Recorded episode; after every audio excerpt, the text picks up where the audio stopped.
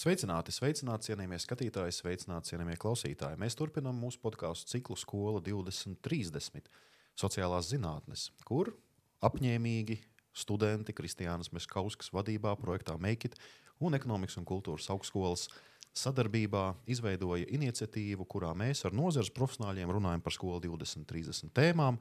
Un šodien mēs runāsim par inovatīvo konkurētspēju un globalizāciju pasaulē.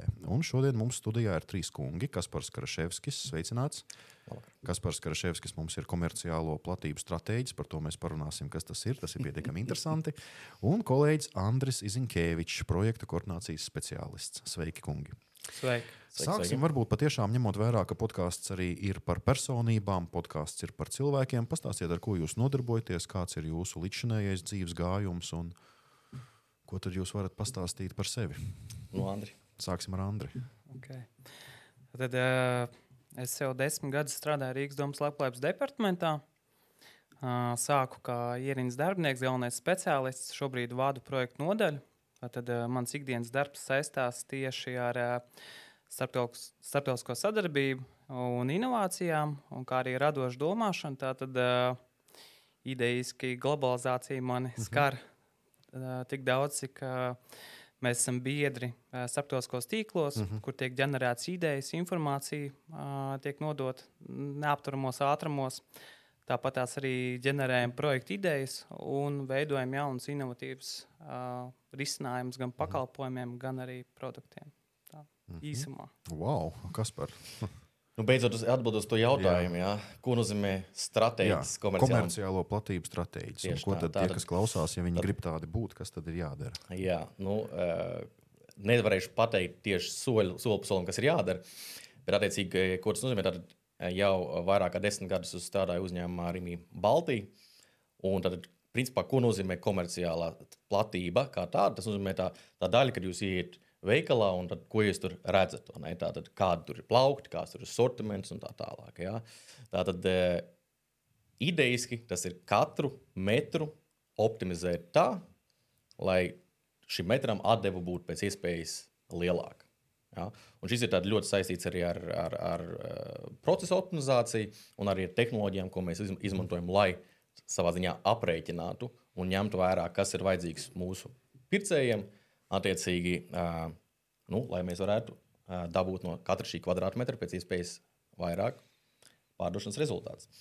Un papildus es vadu vēl komerciālo pārunu mm -hmm. coachus, jeb trenerus Baltijas valstī. Un papildus nodarbojos arī šo lasu lekcijas un arī vadu loģistikas un starptautisko tirdzniecības sakaru novirzienu augstskolā, ekonomikas un kultūras -hmm. augstskolā. Mm -hmm.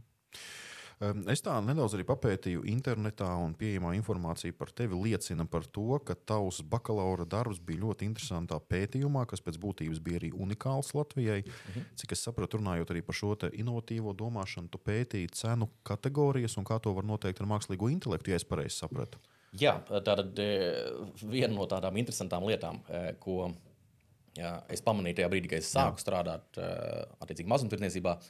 Es redzēju, ka cenas kā tādas, -hmm. šie uh, tehniskie risinājumi ir diezgan -hmm. primitīvi. Nu, uh, un tas iemesls ir pavisam vienkāršs. Ja mēs runājam par mazumtirdzniecības uzņēmumu, tad, ja jūs ieiet uh, lielveikalā, tad, tad tur nu, gada laikā tiek pārdot līdz 50 tūkstoši mm -hmm. preču.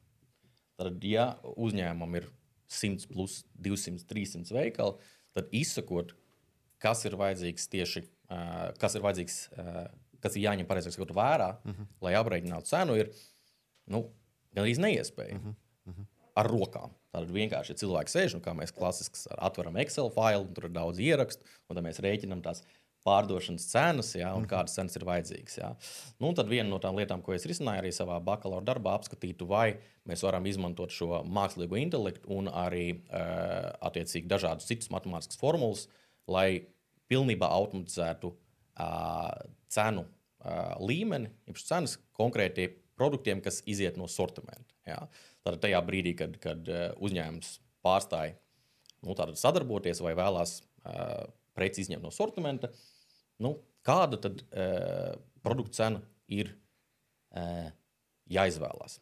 Nu, tad vienkāršākais būtu nu, tātad visiem uzlikt vienādu cenu. Visiem mm. veikaliem, visiem produktiem kaut kādā veidā aprēķināt kaut kādus 10% nu, tad, tad, un, un, un, un uh, uzlikt šo cenu. Mm -hmm. nu, bet gudrāk būtu mēģināt saprast, kas ir vajadzīgs konkrētajā veikalā, konkrētajam cilvēkam, balstoties uz uh, konkrētu atlikumu. Uh, uh, Preču atlikumu konkrētajā veikalā.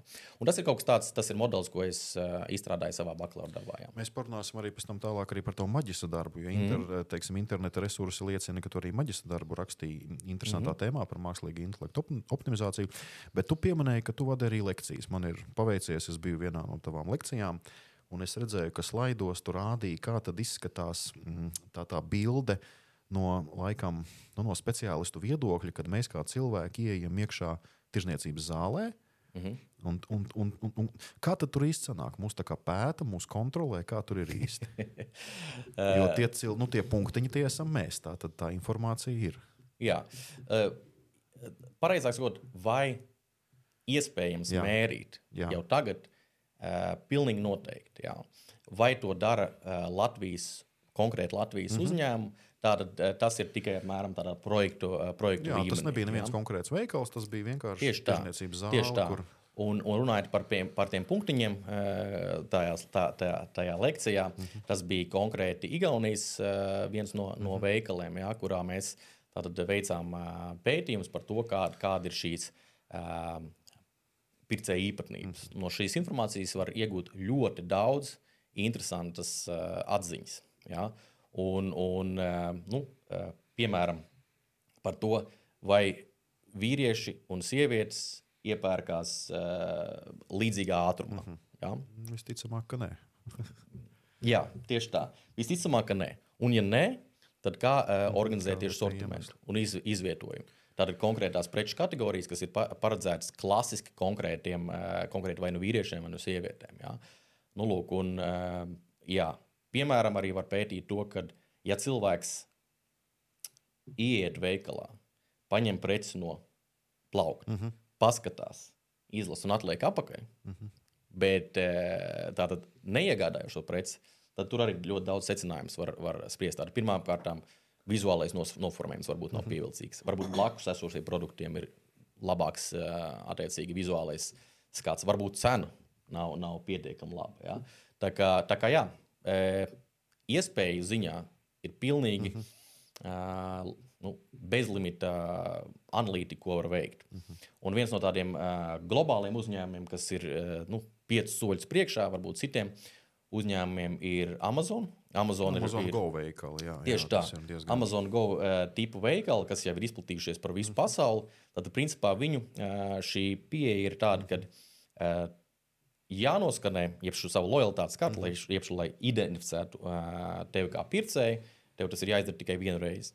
Tajā brīdī, kad tu ieej veikalā, uh, veikala uh, attiecīgi griestos ir uh, mm -hmm. simtiem un tūkstošiem mm -hmm. sensoru, mm -hmm. kas tev seko līdzi uh, veikalam. Tad, ja Rīgā un Maksimas mm -hmm. veikalos ir jāizmanto šie skaneri, Jā. lai skanētu attiecīgi uh, preces, pat tad, ja tu viņus mm -hmm. saliec sev maisiņā, Jā. tad Amazon Go tipu veikalā tas absolūti nav uh, vairāk jādara. Tātad uh, Un pat tad, ja tu, piemēram, arī paņem preci no, no, no plaukta un atliec viņu atpakaļ, to, to sistēmu fiksē un ejot jau ārā, nu, tad tajā brīdī, kad tu esi kaut kādus 10, 15 metrus no veikala, tad viss tiek sumrazēts, aprēķināts, un tad nauda noskaitās nost. Jā. Sajūta ir diezgan interesants, iepērkoties šādā veikalā. Tad sajūta, ka tu uh, esi uh, zaglis, zaglis pareizāk sakot, jā. Un zem skenera. Jo tu lieti tomēr iekšā šīs preces somā, un tu vienkārši izēj ārā. Mm. Viņu šī tehnoloģija saucās, saucās Just Walk Out mm. Technology. Ja? Un kas ir interesanti, ka mēs Baltijas valstīs nemaz neesam tik tālu. Jo pirmais tātad, veikals mm -hmm. IKI. Jā. Ir ļoti, ļoti līdzīga, līdzīga tipa. Jā. Tepat Viņā mm. var aizbraukt un, un, un pamēģināt. Latvijā vēl šāda tipa veikals nav. Jā. Ir tikai tātad, šie mazi, mazie veikali, mm -hmm. kas ir Deli Dose, man liekas, vai kā viņi eh, neatceros īsti. Visticamāk. Tātad, e, kur attiecīgi var ieiet iekšā, un tad, tom, nu, tad jā, jā, jāiet iekšā ar šo nestu karti. Uh, un tad, tad ļoti ierobežots sortiments, nu, tad, tad tur ir diezgan daudz tādu limitāciju. Bet nu, tāda, kaut ko mēs mēģinām. Nu, Andri, mēs ar tevi kā patērētāji klausāmies no šausmu lietas, ko mums te stāsta. Protams, šī globalizācija nes arī diezgan lielus izaicinājumus. Mums visur tiek veidotas personalizētās reklāmas. Tātad pēc būtības Facebook zina, ko mēs gribam, sociālajie tīkli zina, kas mēs esam, un plus vēl ieejot veikalā, mūs vēl analizē. Kā tu to vari komentēt kā speciālists šajā tādā patērētāja jomā? Nu, kā tev, kādas tev ir sajūtas? Tev nav tā, ka tu esi zem lupas un nevajadzētu no tā visu baidīties. Nē, nu šī viss ir uh, sastāvdaļa industrijai revolūcijai 4.0. Mm -hmm. Principā Jā. tā ir mākoņu datošana. Mm -hmm. un, uh, Jā, dažreiz ir tā, ka tu jūties ļoti jocīgi. Tu, tu tikai apskaties apmēram mašīnu, ja, jaunu, cik viņa maksā, un nākamā dienā tev jau Facebookā visapkārt ir reklāmas, no bankas tev atnāk piedāvājums kredītam. Jā, jā. Uh, tas viss ir diezgan interesanti. Jā. Bet uh, es domāju, ka tas ir labs rīks, un kad ir jāpēta cilvēku paradumi. Lai arī varētu nākotnē nu, risināt kaut kādu dažādu veidu problēmas, es īstenībā pie analīzes varu mm -hmm pastāstīt vienu analogu. ir tāda izveidota matrica, pašizvērtējuma matrica, viņa saucās. Uh, pieņemsim, uh, Igaunijā, Satunies, Dānijā mm. uh, pilsētā tika uh, pētīts, kāpēc jaunieši neapmeklē parku. Ot, vienkārši. Mm -hmm. Un tur tā matricē tā ideja ir tāda, ka viņi ir tikai zirneklis. Ja? Tur Jā. ir kaut kāda vairāk lauka, un uz katru lauku atbild kaut kādu atzīmi. Un tur bija ļoti interesants pētījums, kad jauniešiem gāja vienkārši un prasīja, kāpēc es neapmeklēju šo parku. Uh -huh, uh -huh. Viņa teica, mūs neapmierina tas, tas, tas, un galvenais iemesls bija, ka nebija sportisku aktivitāšu iespējas. Ja? Un uh, pilsēta, ko izdarīja, pašvaldība ņēma vērā šo izvērtējumu, un viņi uztaisīja basketbola laukumu parka vidū.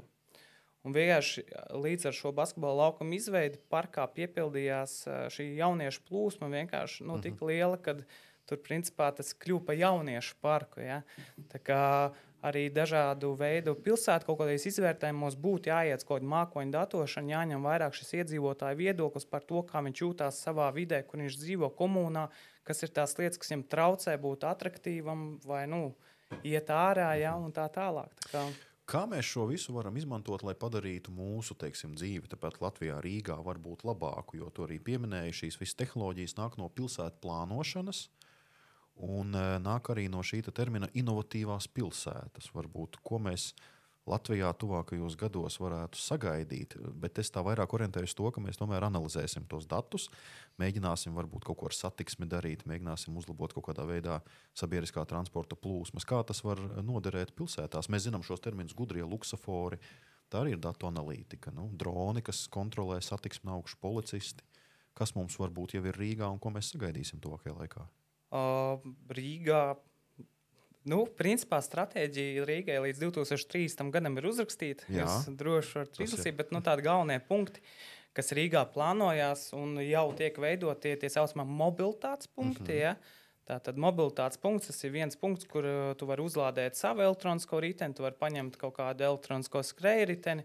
Nu, pēc mm -hmm. būtības mēs samazinām uh, izmešu daudzumu mm -hmm. pilsētas centrā. Mm -hmm. Tāpat laikā mēs nodrošinām cilvēkiem mobilitāti. Ja, viņiem ir rollers, viņiem ir mašīna vienā punktā, viņiem ir rītens un tā tālāk. Uh, nu, tā otrā lieta arī, protams, Rīgai, Rīga rūpējas par savu gaisa kvalitāti. Mm -hmm. un, uh, šobrīd nu, nemācīšu nosaukt piemēros projektu nosaukumus, bet uh, ir, ir piemērs par to, ka uh, mašīnu, lai atrastu brīvu vietu Rīgas centrā.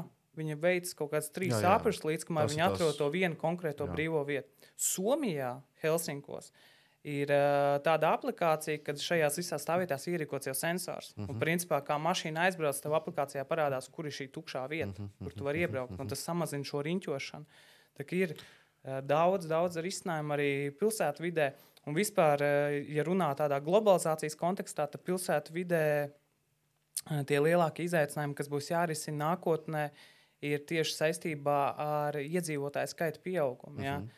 Jo 2050. gadā, ja nemaldos, 9,5 miljardi jau būs iedzīvotāji. Un pilsētām šobrīd jā, jārisina jautājumi ar urbanizāciju, jo, kā mēs zinām, ļoti daudz cilvēku no laukiem pārvāc tieši uz pilsētām, un pilsētās jārisina šie notekūdeņa jautājumi, ja? nu, kā, kā viņi tātad kā varbūt lietus ūdeņus var uh mhm. -huh. izmantot lietderīgāk, ja, un, un, un, un arī saistībā ar māju būvniecību. Ja. Tātad šobrīd jau mēs redzam, ka globalizācijas rezultātā vairs nav stilā lielās mājas. Jā. Tagad ir stilā jau mazāk, kompaktāki dzīvokļi.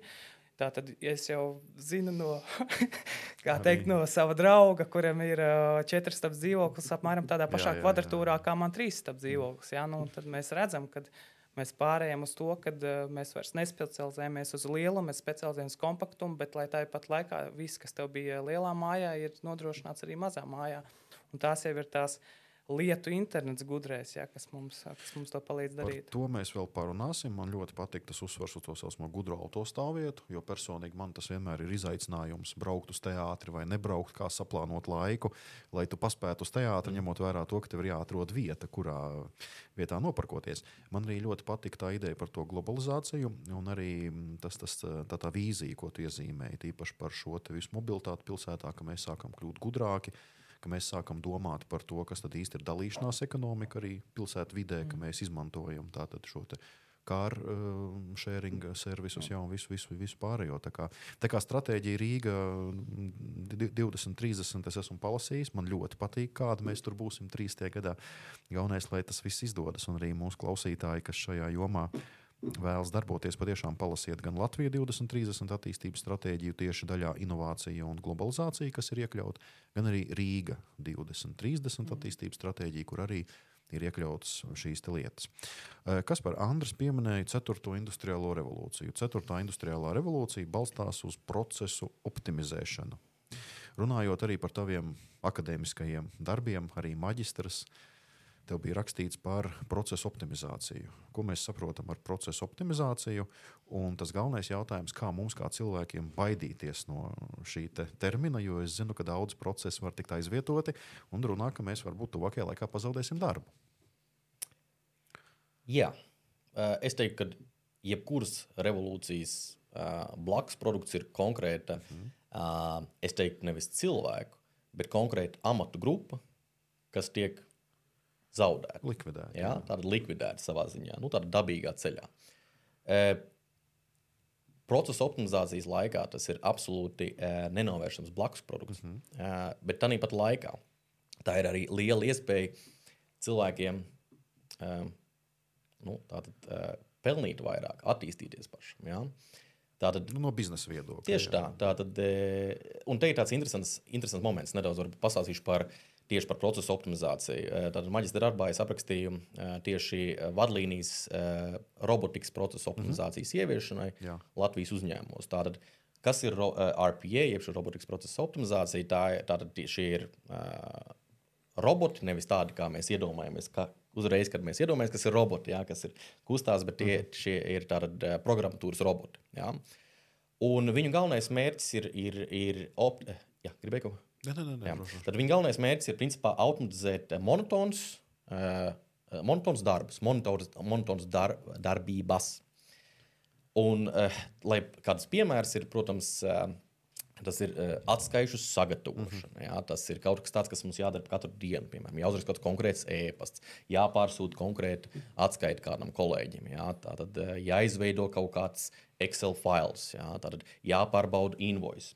Mazumtirdzniecībā tas ir ļoti, ļoti uh, akūta problēma. Tāpēc, kad, eh, kā jau es minēju, tātad 20 līdz 50 tūkstoši produktu gadu laikā, katram ir viņam piegādes, iespējams, pat katru dienu, -hmm. iespējams, pat vairākas dienā. Un uh, ir ļoti daudz manuāla darbība, kas ir jāveic. Tātad ir jāpārliecinās, vai sakrīt cenas, jā, jāpārliecinās, vai, vai ir, ir pareizi rekvizīti norādīti un tā tālāk. Un šīs ir visas manuālas darbības, ko principā var uh, darīt nevis cilvēks, bet robots. Un, ja mēs esam tādi pavisam godīgi, tad uh, ir ļoti, ļoti reti, kurš cilvēks nāk uz darbu un priecājās, ka viņš darīs šādu darbu. Tad šodien Jā. es nāku uz darbu un saku, fantastiski, šodien es pārskatīšu 1800 uh, pavadzīmes. Mm -hmm. Un uh, šie, šie roboti, kas, uh, tad, um, kas um, principā darbojās vairākās mm -hmm. sistēmās, tad viņš var darboties vienlaicīgi Windows, vienlaicīgi mm -hmm. Excel, vienlaicīgi Word un lēkāt tieši tāpat kā cilvēks starp, starp šīm uh, programmām. Tas ir tāds um, inovatīvs risinājums, salīdzinoši, ja mēs pā, uh, salīdzinām to ar to pašu uh, centieniem, piemēram, programmēt konkrētās, uh, konkrētās programmas ietvaros, piemēram, mēģināt automatizēt tieši Excel vidē, ja, kaut ko mēģināt izmantot VBA kodus. Ja. Tātad šī ar, ar pieeja viņš var izmantot vairākas sistēmas un, un, un, un daudzus interesantus tādus tad risinājumus, piemēram, attēlu atpazīšana automātiskā, ja, cilvēkam zīme, komunikācija un tā tālāk. Tātad šīs lietas var pilnībā automatizēt. E, Vai mēs šeit varam lietot, kas ir ļoti svarīgi, vai mēs šeit varam lietot arī terminu mašīnu mācīšanās šajā gadījumā? Pilnīgi noteikti. Pilnīgi noteikti. Tāpēc, kad e, e, tātad, ir tā, viena, viena lieta, kā, mē, kā mēs varam automatizēt procesus, ir e, nu, paskatīties, censties mm. aprakstīt konkrēto biznesa procesu. Piemēram, uh, Edgars raksta atskaiti, mm. pārbauda. Ja? Tad nākamais solis viņš aizsūta to kolēģim. Kolēģis pārbauda to un to laiku, lauku atskaitē. Atzīmē, jā vai nē, pareizi vai nepareizi. Ja? Un tad mēs šo uh, biznesa procesu varam aprakstīt un mēģināt viņu automatizēt. Mm. Tā ir viena lieta. Otra lieta ir tas, kas ir sevišķi lielākās kompānijās, un es pieņemu arī eh, pašvaldībās, mm -hmm. kad eh, nav faktiski biznesa procesa aprakstīta. Mm -hmm. Es esmu to darījis desmit gadus, piemēram, desmit gadus esmu bijis mm -hmm. grāmatvedis. Mm -hmm. Es vienkārši zinu, kā to darīt. Jo mās, mēs tā strādājam jau pēdējos desmit gadus. Tā ir klasiska tāda atbilde.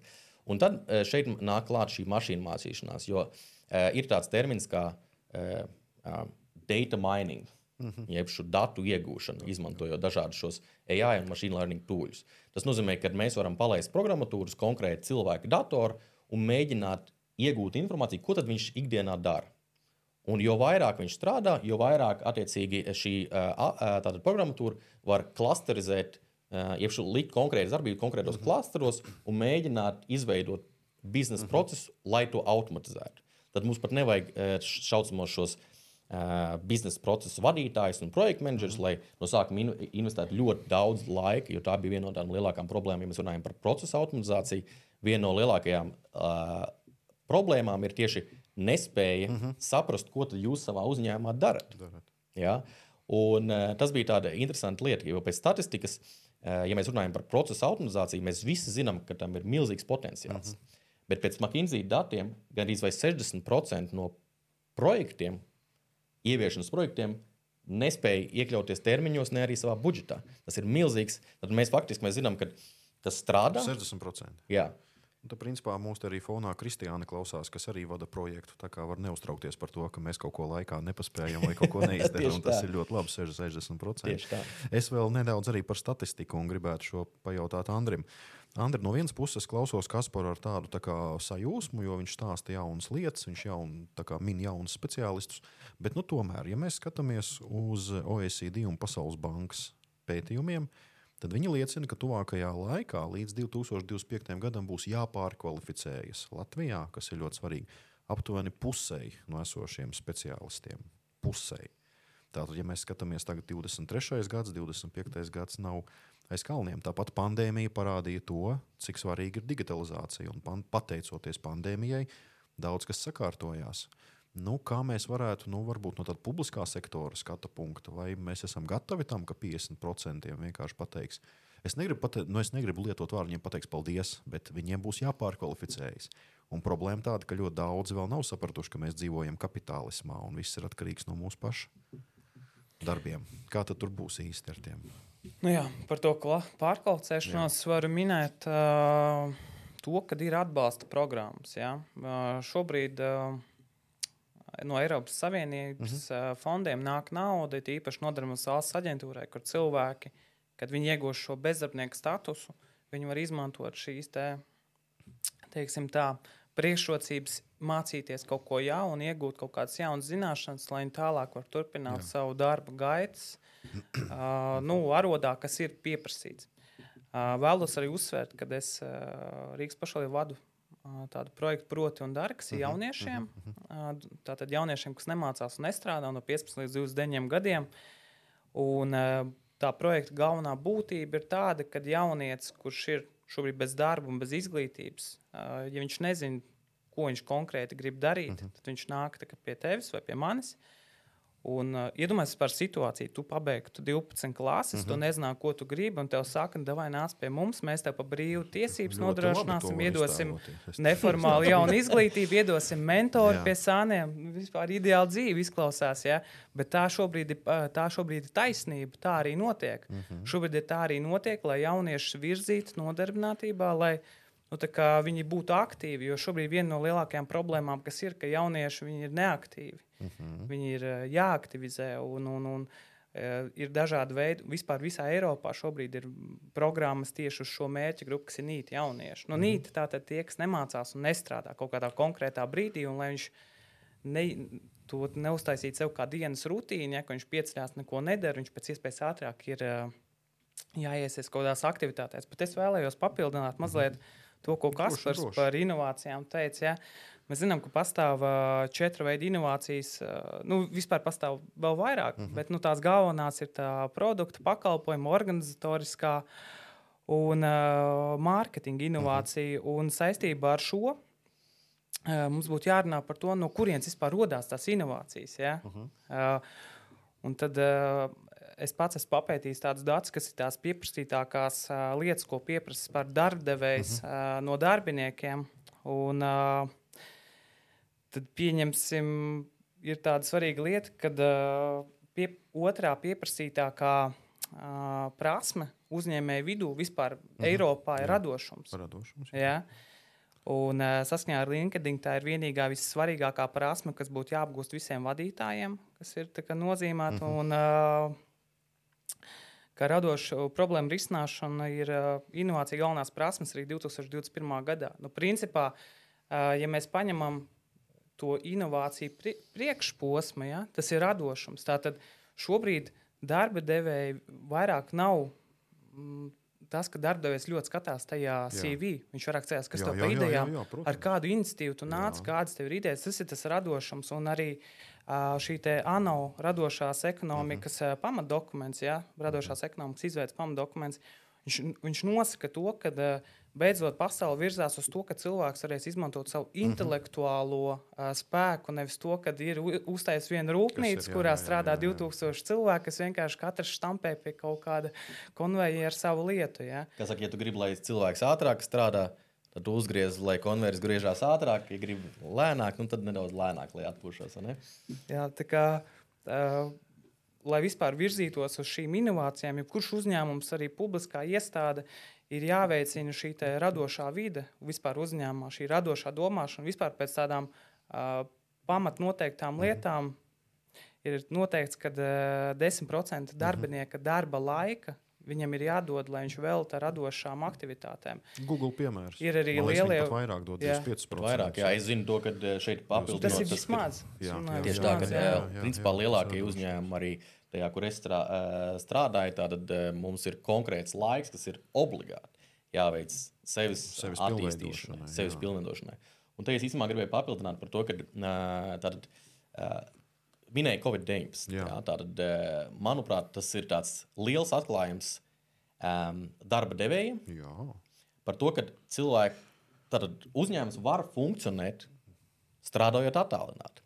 Un, eh, kas ir tāds interesants moments, varbūt tie, kas varbūt seko eh, globālajām tendencēm, ir tas, ka tieši šajā momentā ir e, masu atlaišanas lielos Jā, uzņēmumos. jā, jā. Metā e, simtiem tūkstošu cilvēku, Twitterī, nu, tur varbūt cits nebūs nedaudz stāsts. Jā. Bet Google, Microsoft atlaiž eh, daudz cilvēku. Tas ir tāds interesants moments, kāpēc? Kāpēc tā ir? Uzņēmumi viena no labākajiem rezultātiem daudziem. Bet iemesls, manuprāt, ir, ir, ir uh, saistīts ar to, ka tieši uh, šī atklāsme, kad darba spēku var izvēlēties no jebkuras vietas pasaulē. Tur jau tā lieta. Tātad, ja mēs skatāmies uz iepriekš, kad mums bija tāda industriāla, tāda iepriekšējā revolūcija, kad mums, jā. tad, uh, un arī tātad vēl jau, vēl, Vēl uh, iepriekš. teiksim tā, uh, jau, jau simts gadus atpakaļ, ja, kad cilvēki saprata, ka Elektrība. Klau, mēs varam arī uh, darba spēku, jeb savus rūpnīcas būvēt Ķīnā, tādā Taivānā. Un šeit ir tas pats, kad lielai uzņēmumi saprot, klau, varbūt mēs uh, negribam uh, maksāt mūsu vietējiem amerikāņiem uh, par 200, 300 tūkstošiem gadiem, gadā, bet kāds Latvijas vai, vai Polis būtu ga, gatavs arī par 50, 60 tūkstošiem. Būtu, būtu fantastiski priecīgs. Tātad šī globalizācija dod mums, eh, mūsu speciālistiem, eh, iespēju strādāt globālos, lielos uzņēmumos un, un pelnīt daudz vairāk. Tāpēc, kad mūsu, eh, mūsu izdevumi šeit, esot uz vietas, tomēr ir mazāki salīdzinoši Jā, ar, jā, jā, jā, ar mūsu kolēģiem eh, Zviedrijā un tā tālāk. Tā, tā ir arī iespēja.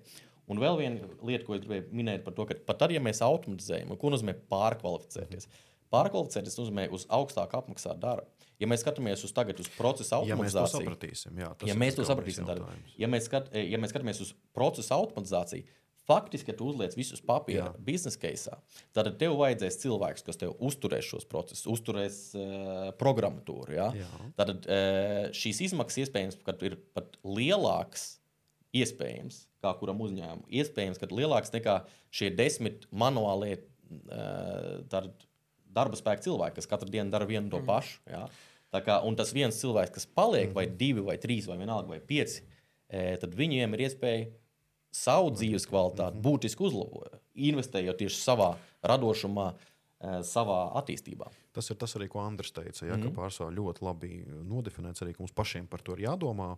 Un tika pieminēta arī, arī tāda kompetence kā radošums, bet arī teiksim, ļoti daudzos arī citos pētījumos ir minēts, ka mūsdienās pati svarīgākā kompetence ir spēja pašmācīties, tātad mēģināt to visu mm. saprast. Savēlkot kopā to, ko jūs teicāt, man ļoti patika. Jā, droši Viena atkāpīta, kas par vienkārši šobrīd aizskar to globālās konkurētspējas Jā. tēmu. Ja? Un runājot par šīm te globālajām vērtību ķēdēm, uh, tur ir tas, ka uh, viens ir tas, kas samazina migrāciju, ja? Jā, šīs globālās jā, vērtību jā, ķēdes, jo jebkurš cilvēks var strādāt kā no savas uh, mājas. No un, savas mājas, jā. Bet tāpat laikā uh, tas, kas ir iegūms piemēram uh, jaunatīstības valstīm, ir tas, ka uh, šie cilvēki. Uh, jaunatīstības valstu darbinieki kas ir kaut cik kvalificēti. Jā. Viņi var pieteikties šiem augstu šaubām, apmaksātiem darbiem un nest labumu savai valstī. Ja viņš strādājot no savas valsts, var strādāt milzīgā kompānijā un tādā veidā gūt labumu. Nu, Mīnus mazliet šai globālajai vērtību ķēdei, globālajai konkurētspējai ir tas, ka šie uzņēmumi lielie, viņi var saprast, ko Kaspars teica. Mm. -hmm. Šeit ir baigi dārgi ražot, vai braucam uz turieni. Un cik, Kas tad, un cik darba vietas uzreiz zūd. Ja? jā, jā, jā. Nacionālajā ekonomikā, cik ienākumu zūd no eksporta, ne, bet no importa. Nu, Nu, es varu minēt tikai arī piemērus. Man tādu piemēru ļoti daudz. Man ļoti daudz pazīstamie draugi jā, strādā Mm. Austrālijā, dzīvo Kanādā. Kaut vai viena man arī bijusi paziņa. Viņa strādā Amerikā, Ņujorkas štatā par grāmatvedi. Es nesen biju ar viņu sazinājies, attālināti, un es jautāju, nu, kā iet. Viņš teica, nu, man te tagad tā ar tām deklarācijām ņemos viņiem tur savādāk tie datumi. Mm. Saka, cik tev viņas ir? Saka, nu, man uz doto ir kaut kāds 7000 deklarācijas. Es saku, tev vienam grā... kā tu to? Es saku, ļoti elementāri. Ko viņi dara? Viņi sūta prom, viņi paņem šīs deklarācijas, kā, teiksim, mm -hmm. kā pasūtījumu, un sūta prom uz Indiju. Bengalūru. Tas ir kaut kas līdzīgs eh, reģions Bengalūru, ja, kā Silīcijas ielai Amerikā. un Tur viņi apstrādā. Tāpēc viņiem sanāk baigi interesanti. Viņiem ir tās laika nobīdes tādā ziņā, ja, ka var visu laiku dabūt 24 stundu darbu, kamēr Amerikā ir diena, Indijā ir nakts. Tad tie atpūšas, kamēr atkal Amerikā savādāk. Nu, tur tas cikls mainās. Ja, tā tādā ziņā es uz to skatos ar ļoti lielu mm, tādu fantastisku arī sajūtu. Un jūs arī pieminējāt arī par visām šīm globālajām konkurētspējām. Te man jāpiemina arī slavenā grāmata Pasaule ir plakana, kas pēc būtības mums liek aizdomāties līdz tam, ka mums nav nekāda robeža. Ja? Mums ir vajadzīgs dators, mums ir vajadzīgs telefons, un iespējams arī mūsu klausītāji tagad mūs klausās daudz kur visā pasaulē, ja? un, un iespējams pat, pat, pat kaut ko domā arī kaut ko līdzīgu izdarīt. Tā kā šeit es tā ļoti neuztrauktos. Bet, bet tomēr, kas mani nedaudz uztrauc jautājumā, mēs arī pieminējām šo mašīnu mācīšanos, kas balstās pēc būtības uz mākslīgo intelektu. Šeit man jāpiemina 1957. gads, slavenā Dārtmūtas konference. Profesors Makārtīs nodefinēja, kas tad īsti ir mākslīgais intelekts, kas balstījās to, ka tā ir sistēma, kas interpretē ārējos datus un pati pieņem lēmumus. Ja mēs skatāmies tālāk, Nobela prēmijas laureāts Džons Nešs, strādājot pie savas spēļu teorijas, radīja algoritmu teoriju. Un, ja mēs atgriežamies pie šī profesora Makārtī, viņš teica, ka mākslīgais intelekts ir iespējams, un mākslīgais intelekts pārņems visus tos procesus, kuros ir algoritms. Un šis Džons Nešs pierādīja, ka algoritms ir visam, pilnīgi visam. Tieši tā. Arī tai pašā brīdī arī radošumam. Tātad jautājums ir, kur pazūd cilvēciskais faktors. Jo, ja algoritms ir visam, un mākslīgais intelekts var pārņemt visu, Nu, kāds ir tas tavs viedoklis? Te ir klasika. Te ir eh, Jā. cilvēki, kas ir utopiķi, Jā, un jā, cilvēki, jā. kas ir distopiķi. Jā. Nu, tā, tad, eh, un tā patiesība jau visticamāk kaut kur ir pa vidu. jā. Tātad, eh, ja mēs nu, visi esam noteikti multfilmu valī skatījušies, jā, Jā, jā. kur attiecīgi Par to robotiņu, jā. Jā, Tieši tā, tad cilvēks strādā, mm, attiec, cilvēki vispār absolūti nestrādā. Jā. Viņi tikai nodarbojās ar tādu nu, sevis. Varbūt izklaidēšanu. Jā, tad, un, un, un faktiski roboti dara, dara pilnīgi, pilnīgi visu. Tātad eh, nu, sagādā principā resursus, kas ir vajadzīgi dzīvošanai cilvēkiem. Tātad tis, tie ir tie tā saucamā u- utopiķi. Ja? Mhm. Un distopiķi nedaudz uh, skatās tu, uz to tāda, ar tādu negatīvu skatu, kad mēs zaudējam to savu, Mhm. mm, kā saka, Identitāte varbūt. Ne? pat ne identitāti, ne? bet uh, viena no mūsu lielākajiem uh, dzinuļiem. Tātad tas ir, uh, tas ir šīs, šīs emocijas. Jo ar mākslīgo intelektu, diemžēl, mēs principā gadu, divu, trīs laikā varēsim absolūti dabūt, piemēram, nu, uh, cilvēks, kurš, kuram ir grūti iepazīties ar kādu meiteni. Jā, Tad viņš varēs uzģenerēt sev absolūti. labāk šajā tēmā neiesim. Es Jā. tur tik daudz ko lasīju. bet Man es- ir vispār papildināt, kur kas bērni par, par šīm dzimst. emocijām. Man ir eh, no prakses projekts. Jā. Tātad eh, Covid laikā. Uh, nav nosaukums sociālās aprūpes centros, bija milzīga saslimstība Jā, jā, Covid-19. un Ņemot vērā, ka tur mērķa grupa bija lielākā riska grupa, mm -hmm. uh, tad tika meklēta risinājuma, kā samazināt šo kontaktu starp mm -hmm. šiem klientiem, šar, starp šiem aprūpētājiem, kas tur uz vietas un tā tālāk.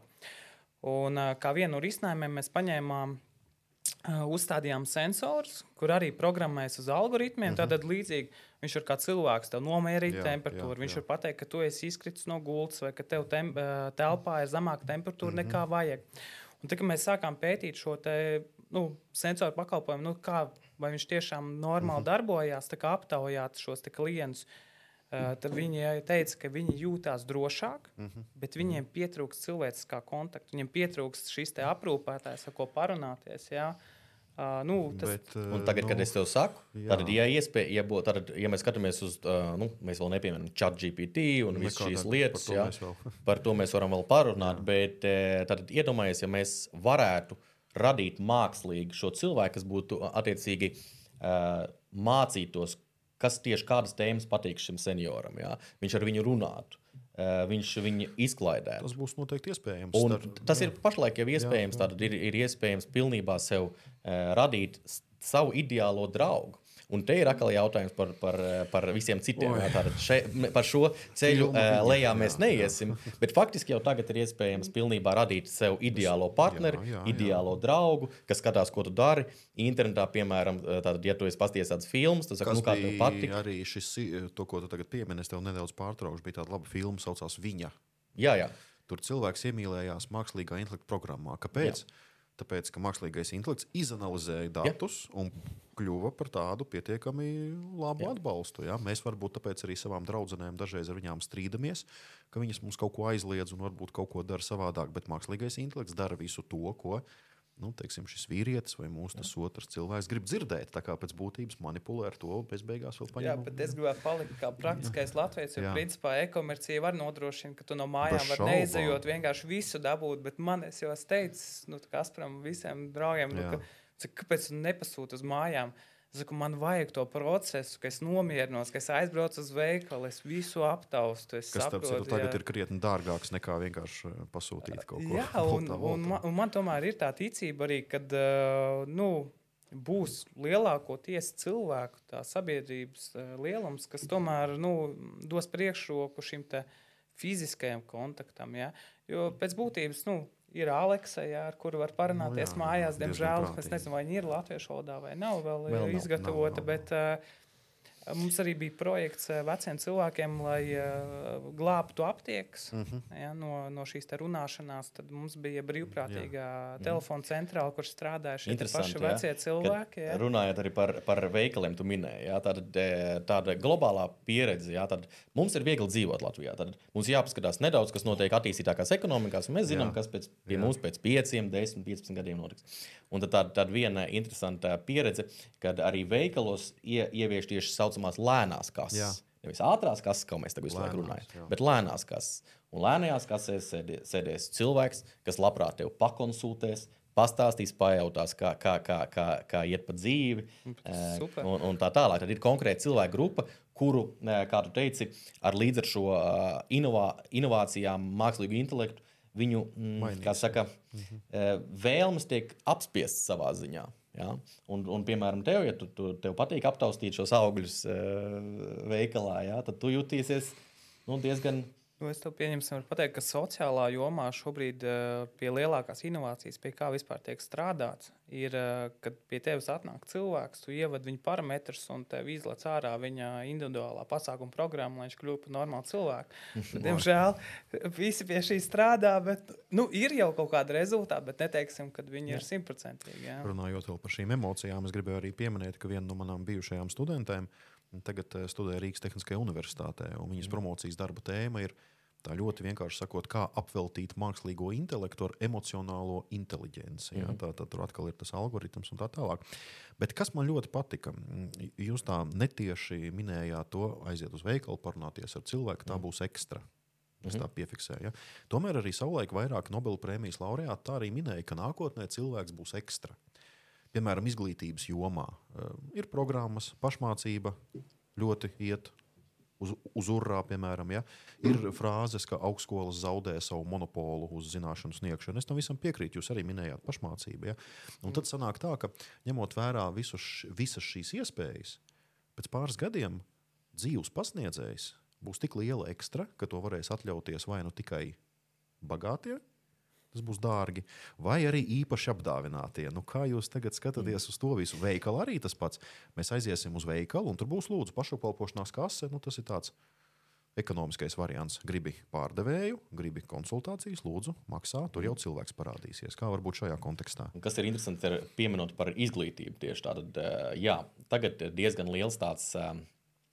Nu, vēl joprojām augstskolām ir diezgan liels tāds, tāds monopols savā ziņā, zināšanu jā, monopols. Jā. Jā. Ja mēs skatāmies uz jā, to pašu, ko cenšas pasna, panākt meta, mm -hmm. ja mēs meta ir ļoti, ļoti daudz līdzekļu ieguldījuši šajā papildinātajā realitātē un virtuālā realitātē, Jā. tad faktiski kombinējot to ar mākslīgu intelektu. Ja mēs tagad runājam par ChatGPT, tad es jau pašlaik varu teikt, lūdzu, tad, ieejot šajā programmā, es varu, varu paprasīt šim botam, lai uzrakstu man kādu joku Edgara Čerkovska stilā. Jā, piemēram, jā, to tā. jau viens arī darīja. Un, un ja mēs to apvienojam, tad jā, jā, viens mans kolēģis uzrakstīja, uzrakstīja, uzrakstīja dzējoli par Edgars Čerkovsku. Es lasīju, man likās, man likās, vectēvs no viņa saules raksta. Jā. Viņš bija izanalizējis visus manus Facebook, visus parametrus, bet, visus beigās. Bet Kaspars pa mums kopēju draugu uzraka, nu, kad, vai, vai tas ChatGPT izmet dzējoli par to, kā bija cilvēks, kurš domāja, ka viņam ir draugi, bet viņam īstenībā nebija draugi. Un īstenībā pēc apraksta izlaica diezgan Jā. Eh, ļoti līdzīgs. Tas ko, es, tas, ko es faktiski uh, gribēju pateikt, tad iespējams, ka nu, mēs, mēs vadām lekcijas, jā, piemēram. Jā, tad jā. mums viņas var tikt, vai, vai arī tiek ierakstīts. Jā.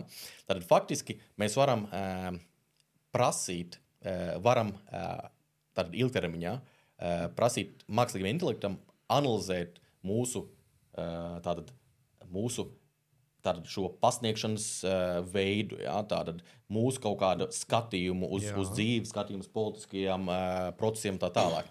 Un faktiski mēs varētu prasīt mākslīgam intelektam ģenerēt uh, lekcijas, ko vadu es bet faktiski nemaz tur nesot. Jā, jā? Nu, deepfake tehnoloģija. Jā, deepfake tehnoloģija. Bet es, tieši jā. tā, bet es vienkārši strādāju, un Vai tad mēs varam parunāt par tām autora aplīdzībām, kā, kā NFT strādā un tā jā. tālāk. Bet faktiski, jā, tad es atļauju savu, tātad, tātad savu ieguldījumu analizēt datoram un to, par to saņem kaut kādu konkrētu atlīdzību, piemēram. Ja pēc tam manas kursus var, var pirkt. Eh, bet te ir viena tāda nianses, ņemot vērā to, ka mēs esam publiski personas un tā tālāk. Bieži vien šāda tipa programmas var izanalizēt arī visus bez mūsu piekrišanas. Ja? Bet atkal tas jautājums ir, kur tad mēs būsim vajadzīgi. Jo es savulaik ar studentiem. Studentiem arī stāstīju ar tādu mm. lielu entuziasmu, nu, ka es gaidu, kad mākslīgais intelekts mani klonēs un es varēšu kaut kur Austrālijā gulēt, sauļoties, bet man te manā vietā vadīs lekcijas. Ja? Un pēc tam man studenti teica, jā, pasniedziet, bet kam tad jūs esat vajadzīgs īstenībā? Ja? Nu, Te ir jautājums par miers. tiesisko regulējumu šim visam. Jā. Ja? Tieši tāpat kā, tad, diemžēl, tehnoloģijas uh, attīstās ātrāk nekā, nekā attiecīgi tiesiskais republikāns. Tas tā vienmēr ir bijis, sistēma, un arī izglītības jā. sistēma. Jā. Tātad, tas ir tas pats, kas tātad, Tesla automobīļi. Jā. Viņi var pilnīgi automā, autonomi pārvietoties pa pilsētu, bet faktiski uh, nu, pašlaik tā, nu, tie iemesli ir dažādi. Bet uh, cilvēkam joprojām jāsēž pie šīs stūres un Jā, jāskatās jā, uz jā, ceļa jā, jā. obligāti. Jā. Kādam- Tieši tas pats arī šeit. Jā. Tad, ja mēs, uh, ja attiecīgi netiks nodrošināts, ka tiešām um, teiksim, tā, nevar izmantot personas datus, kas jau mēs jau tagad zinām, ka tas netiek nodrošināts, tad tiešām tā situācija varētu tā būt, kad kāds cilvēks, kurš ir pietiekami uh -huh. uh, gudrs, viņš var analizēt tavas, manas, Andra lekcijas, uh, izveidot savu profilu un pārdot Bez nekādām ā, problēmām, Bez nekādām jā. problēmām jā. Tādi gadījumi ir bijuši arī runājot par publisko sektoru. Mūsu pašu valdes Dombrovskis, kurš Eiropas komisijā ir viceprezidents, mm Mhm. -hmm. bija tāda programma kā Voko, kas izanalizēja visu un ar deepfake tehnoloģijām izveidoja sižetu, kurā viņš it kā ir teicis to, ko viņš vispār nekad nav teicis. Mm -hmm. Jā, tā kā, nu, Okay. no vienas puses, es šeit saskatu diezgan lielu tādu uh, plusu. Ja mēs gadījumā sataisām kaut kādas problēmas sociālajos tīklos, ieliekam kaut ko, to, ko nevajag, vai izdarām kaut ko tādu, nevajag. nebija es. Tad nākotnē mēs varam teikt, piedodiet, deepfake tehnoloģijas mani klonēja. Tas Mans nebija jaunais brālis. Jā, mans jaunais Bet, brālis. citu, eh, tas, ko tu minēji par eh, šīm te, m, autora atlīdzībām un maksāšanām, tad eh, ņemot vērā, ka globalizācijai nav kurs tikai digitalizācija, bet arī patēriņa mazināšana jā. un zaļais kurs. Jā. Tad, eh, principā, šīs ANO vadlīnijas, eh, kur ir kaut kāda valsts piemēra, viņi pat ir piemēros rakstījuši, ka, pieņemsim, rakstnieks uzrakstot grāmatu, mm -hmm. viņš savu grāmatu varēs ielikt mākonī. Un jebkurš cilvēks, kurš samaksās par šo mākoni, tiks klāt šai grāmatai. Uh, un tādā veidā, uh, kas ir radīsies, kāds finansiālais ieguvums, finansiālais ieguvums būs tāds, ka patērētājs tieši ar pārdevēju būs. Nebūs vairs nekāds starpnieks vispār. Ja? Tas arī uh, ļaus preci pārdot lētāk, jo nu, nav pa vidu šie cilvēki, bet no otras puses. uh, Šis Jā, tiesiskais interesanti, regulējums tas ir ļoti automobīļiem- interesants ar citu lietu, Andri, bet, eh, bet faktiski, ja mēs skatāmies, mēs visu laiku runājam, bet, jā, bet mēs visu laiku runā- runājam par tā saucamo uh, Web 3.0. Jā, tātad tas ir decentralizēts skatījums uz izglītību un tā tālāk, un, un uz visu tātad, uz, uz, uz šo intelektuālo īpašumu. Bet faktiski, ja mēs redzam, kas notiek, tad um, visi resursi un nauda tiek koncentrēta konkrētos uh, lielos uzņēmumos. It kā mēs runājam par to, ka brīvība visiem Es tev varu oponēt bet, ar eh, šo. Amerikā ir tāds žurnāls Fortuna, kas katru gadu uh, izdod tātad 500 uh, nu, labāk pelnošākos mm. -hmm. uzņēmumus Amerikā, to topu. Un viņi uh, šobrīd izdodot to topu, jau ir prognoze uztaisījuši desmit gadiem uz priekšu, kad puse no šiem 500 uzņēmumiem mainīsies turpmākajos desmit gados, jo startupi nāks. Mm -hmm. par, Viņi būs par to iekšā neiet, par to neiet runa. Mēs runājam par tādu industriju kā tādu, piemēram, eh, tā pati mūzikas industrija. Procents, ko no katra izdotā albuma cilvēks, kā mākslinieks, saņem, ar katru gadu ar vien samazinās, Jā, samazinās, jā, jā, samazinās, samazinās. Tāpēc, ka ir šie e, mākoņu pakalpojumi, kā Spotify, Deezer un tā tālāk, kas, e, kuru tātad šis, nu, tātad, nu, vienkāršiem vārdiem sakot, viņu šī, šī daļa, ko viņi paņem, ir, ir ar vien aug, aug, aug. Mākslinieki saņem Jā. ar vien mazāk, Jā, jā. mazāk un mazāk. Tas, kad nomainīsies uzņēmumi, pilnīgi noteikti ir tāds teiciens, no king rules forever. Un tas, tas ir pēdējā laikā, tad, tas ir faktiski, jo tu lielāks esi, jo tu lēnāk pārvietojies, līdzīgi kā boxā. Un, un, un, un faktiski jau ir tā, ka tas ir tieši tas pats arī uzņēmumiem. Jo te ir tāda viena no tēzām, tēzēm, ko es bieži izmantoju, kad tāda vienīgā mūsu kā uzņēmuma eh, un kā valsts eh, tāda šī konkurences priekšrocība ir tas, cik ātri mēs spējam mainīties. Bet- Un jo lielāks uzņēmums, jo grūtāk eh, mainīties. Un tas ir viens no iemesliem, kas ir notika ar Twitter. Jā, jā, jā. Tātad- Nokia, nu, Nokia, vai slavenais piemērs Jā, slavenais skolās piemērs. un- Tieši tā. Tātad, jo lielāks uzņēmums, jo viņš lēnāk spēj eh, pielāgoties konkrētai situācijai. Ja? Tā kā mainīt, mainīsies, bet nu, es ceru, man personīgi liels. eh, Liels cerības uz šo decentralizēto internetu, jā, ka tiešām savienot pat, patērētāju ar, ar, ar, konkrētu biznesu. Jā. Nu, jā, nu, bet tomēr arī tas jautājums arī par autortiesībām minēja. Nu, man nāk prātā Ķīnas šudu, kas ir modes influenceri. Kas viņi ir, neviens nezina. Jā, mm -hmm. Tas ir radīts tāds deepfake tehnoloģija, nu, varbūt pat ne deepfake, bet nu, uz to bāzi, ja, ka ar, ar viņu slēdz miljoniem kontraktu darījumus. Ja. Mm -hmm. Viņi reklamē modes zīmolus, bet tas jau, tā jau ir programma pēc būtības. Ja, tā kā tas ir patiešām baigi interesanti. Es vispār tā klausos, klausos. Un, Nu, ņemot vērā to, ka mums tā izglītība neiet tam visam līdzi, tāpēc to arī minēja. Arī tā jurisprudence un vispārējais nevar tam visam iet Jā. līdzi. Jā. Bet, Un- nu, Un, ja mēs skatāmies, tad man tad, es izvilku tādu vienu uh, tabuliņu, kas ir šis e, globālais e, konkurētspējas indeks. Jā, Jā, un, un, un, un mēs tur, tur tur mēs skatāmies, ka nu, Latvijas vārds tur paliek, teiksim tā. E, Arvien retāk parādās. Ja? Un uh, mūsu kaimiņu Igaunijas uh, kolēģi, ja? mēs, mēs skatāmies uz uh, top 10 pasaules Jā. valstīm, uh, uh, kas adoptē šīs uh, IKT tehnoloģijas un ir fleksibli darbam uh, no mājām un dažādiem citiem, tad Igaunija ir 4. Uh, vietā. Tātad Nī- Nīderlanda, Jaunzēlanda Nu. un, un, un, un, un Igaunija. jā. Un, ja mēs skatāmies uz IKT jā, vispār šo jā, jā, izmantošanu, tad, tad Igaunijas vārds tur pala, pa, Tāpēc, ka viņi to arī paņēma kā stratēģiju. Tā bija tā mūsu Latvijas lielākā problēma, Jā. ka mēs Jā, īsti nesapratām, ko mēs gribam. eh, es arī šo te uh, tabulu skatījos pirms nācis podkāstu, un uh, man ļoti interesanti likās, ka Igaunija arī ir šajā te elastīgajā darba laikā. Top, Jā, jā, top jā, 3. Jā. Uh, produktivitāte ir augstāka. nu, Viņi tā. strādā mazāk, bet viņi produktīvāki. Tieši pretēji. Ši, šīs fakts gan tāds, nu, īsti nav saprotams, kāpēc mēs tik lielā atpalicībā esam ar šo. Jā, Uz, starp citu, šo jautājumu Vai, vai, vai, tas ir, vai tas ir dēļ Skype? Ka visi bija Nu, tādi es, es, es domāju, ka tur tie faktori ir ļoti daudz un dažādi. Bet fakts kā tāds, ka ja mēs neizmainīsim nedaudz uh, Latvijas kursu, tādā globālā mērogā, arī ieskaitot mūsu, mēs nevaram vainot. Tad, Tikai būsim ļoti uzmanīgi ar šo Bet- vārdu jā. demokrātijā. Bet, bet, jā, bet, es, es šeit demokrātijā, gribētu labu vārdu aiziet pa Latviju. Sen bija laiks. Nu, es teiktu, konkrēti vietas nevarēšu nosaukt, nu, precīzi, ja, bet uh, seši gadi atpakaļ globālās konkurētspējas indeksā Latvija bija 60 kaut kādā vietā. Ja.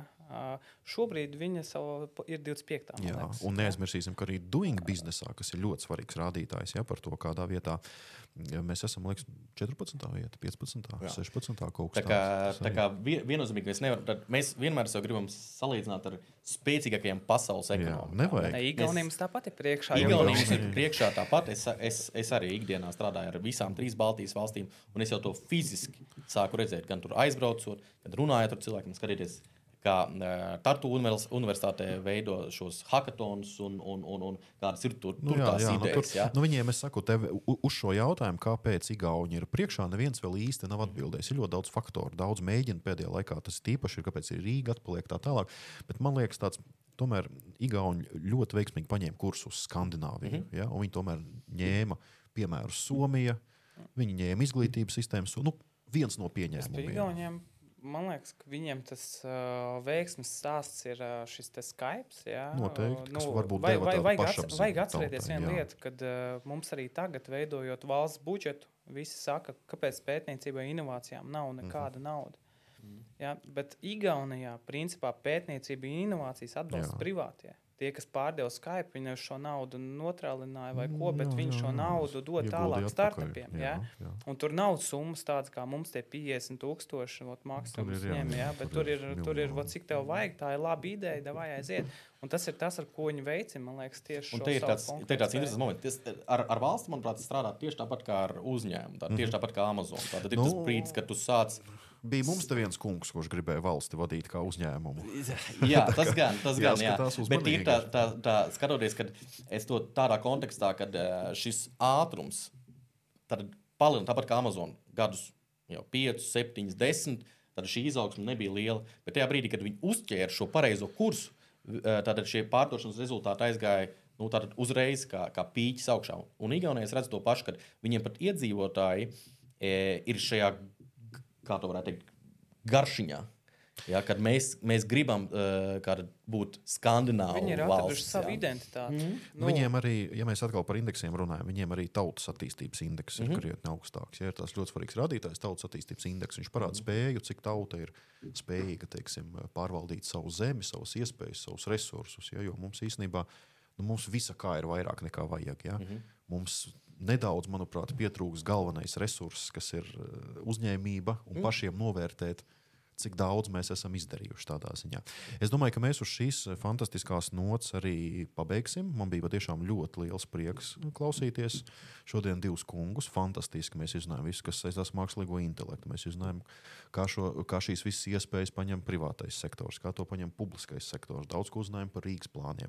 Nu, es domāju, ka šī saruna patiešām bija ļoti, ļoti saturīga. Un, e, man liekas, tā, tā vislielākā atziņa vismaz priekš manis ir tāda, ka mums pašiem ir jāmācās, lai mēs būtu inovatīvi. Robežu nav, un viss ir atkarīgs tikai no mums. Un šodien studijā šī mūsu skola 2030 sociālo zinātņu podkāstu ietvaros bija divi kungi, kurus es jau varu pēc tādas labas sarunas saukt vārdos. Paldies, Kaspar! Paldies, Paldies Andri! Paldies! Lai veicās! Paldies, cienījamie skatītāji! Paldies, cienījamie klausītāji! Veiksmi visiem!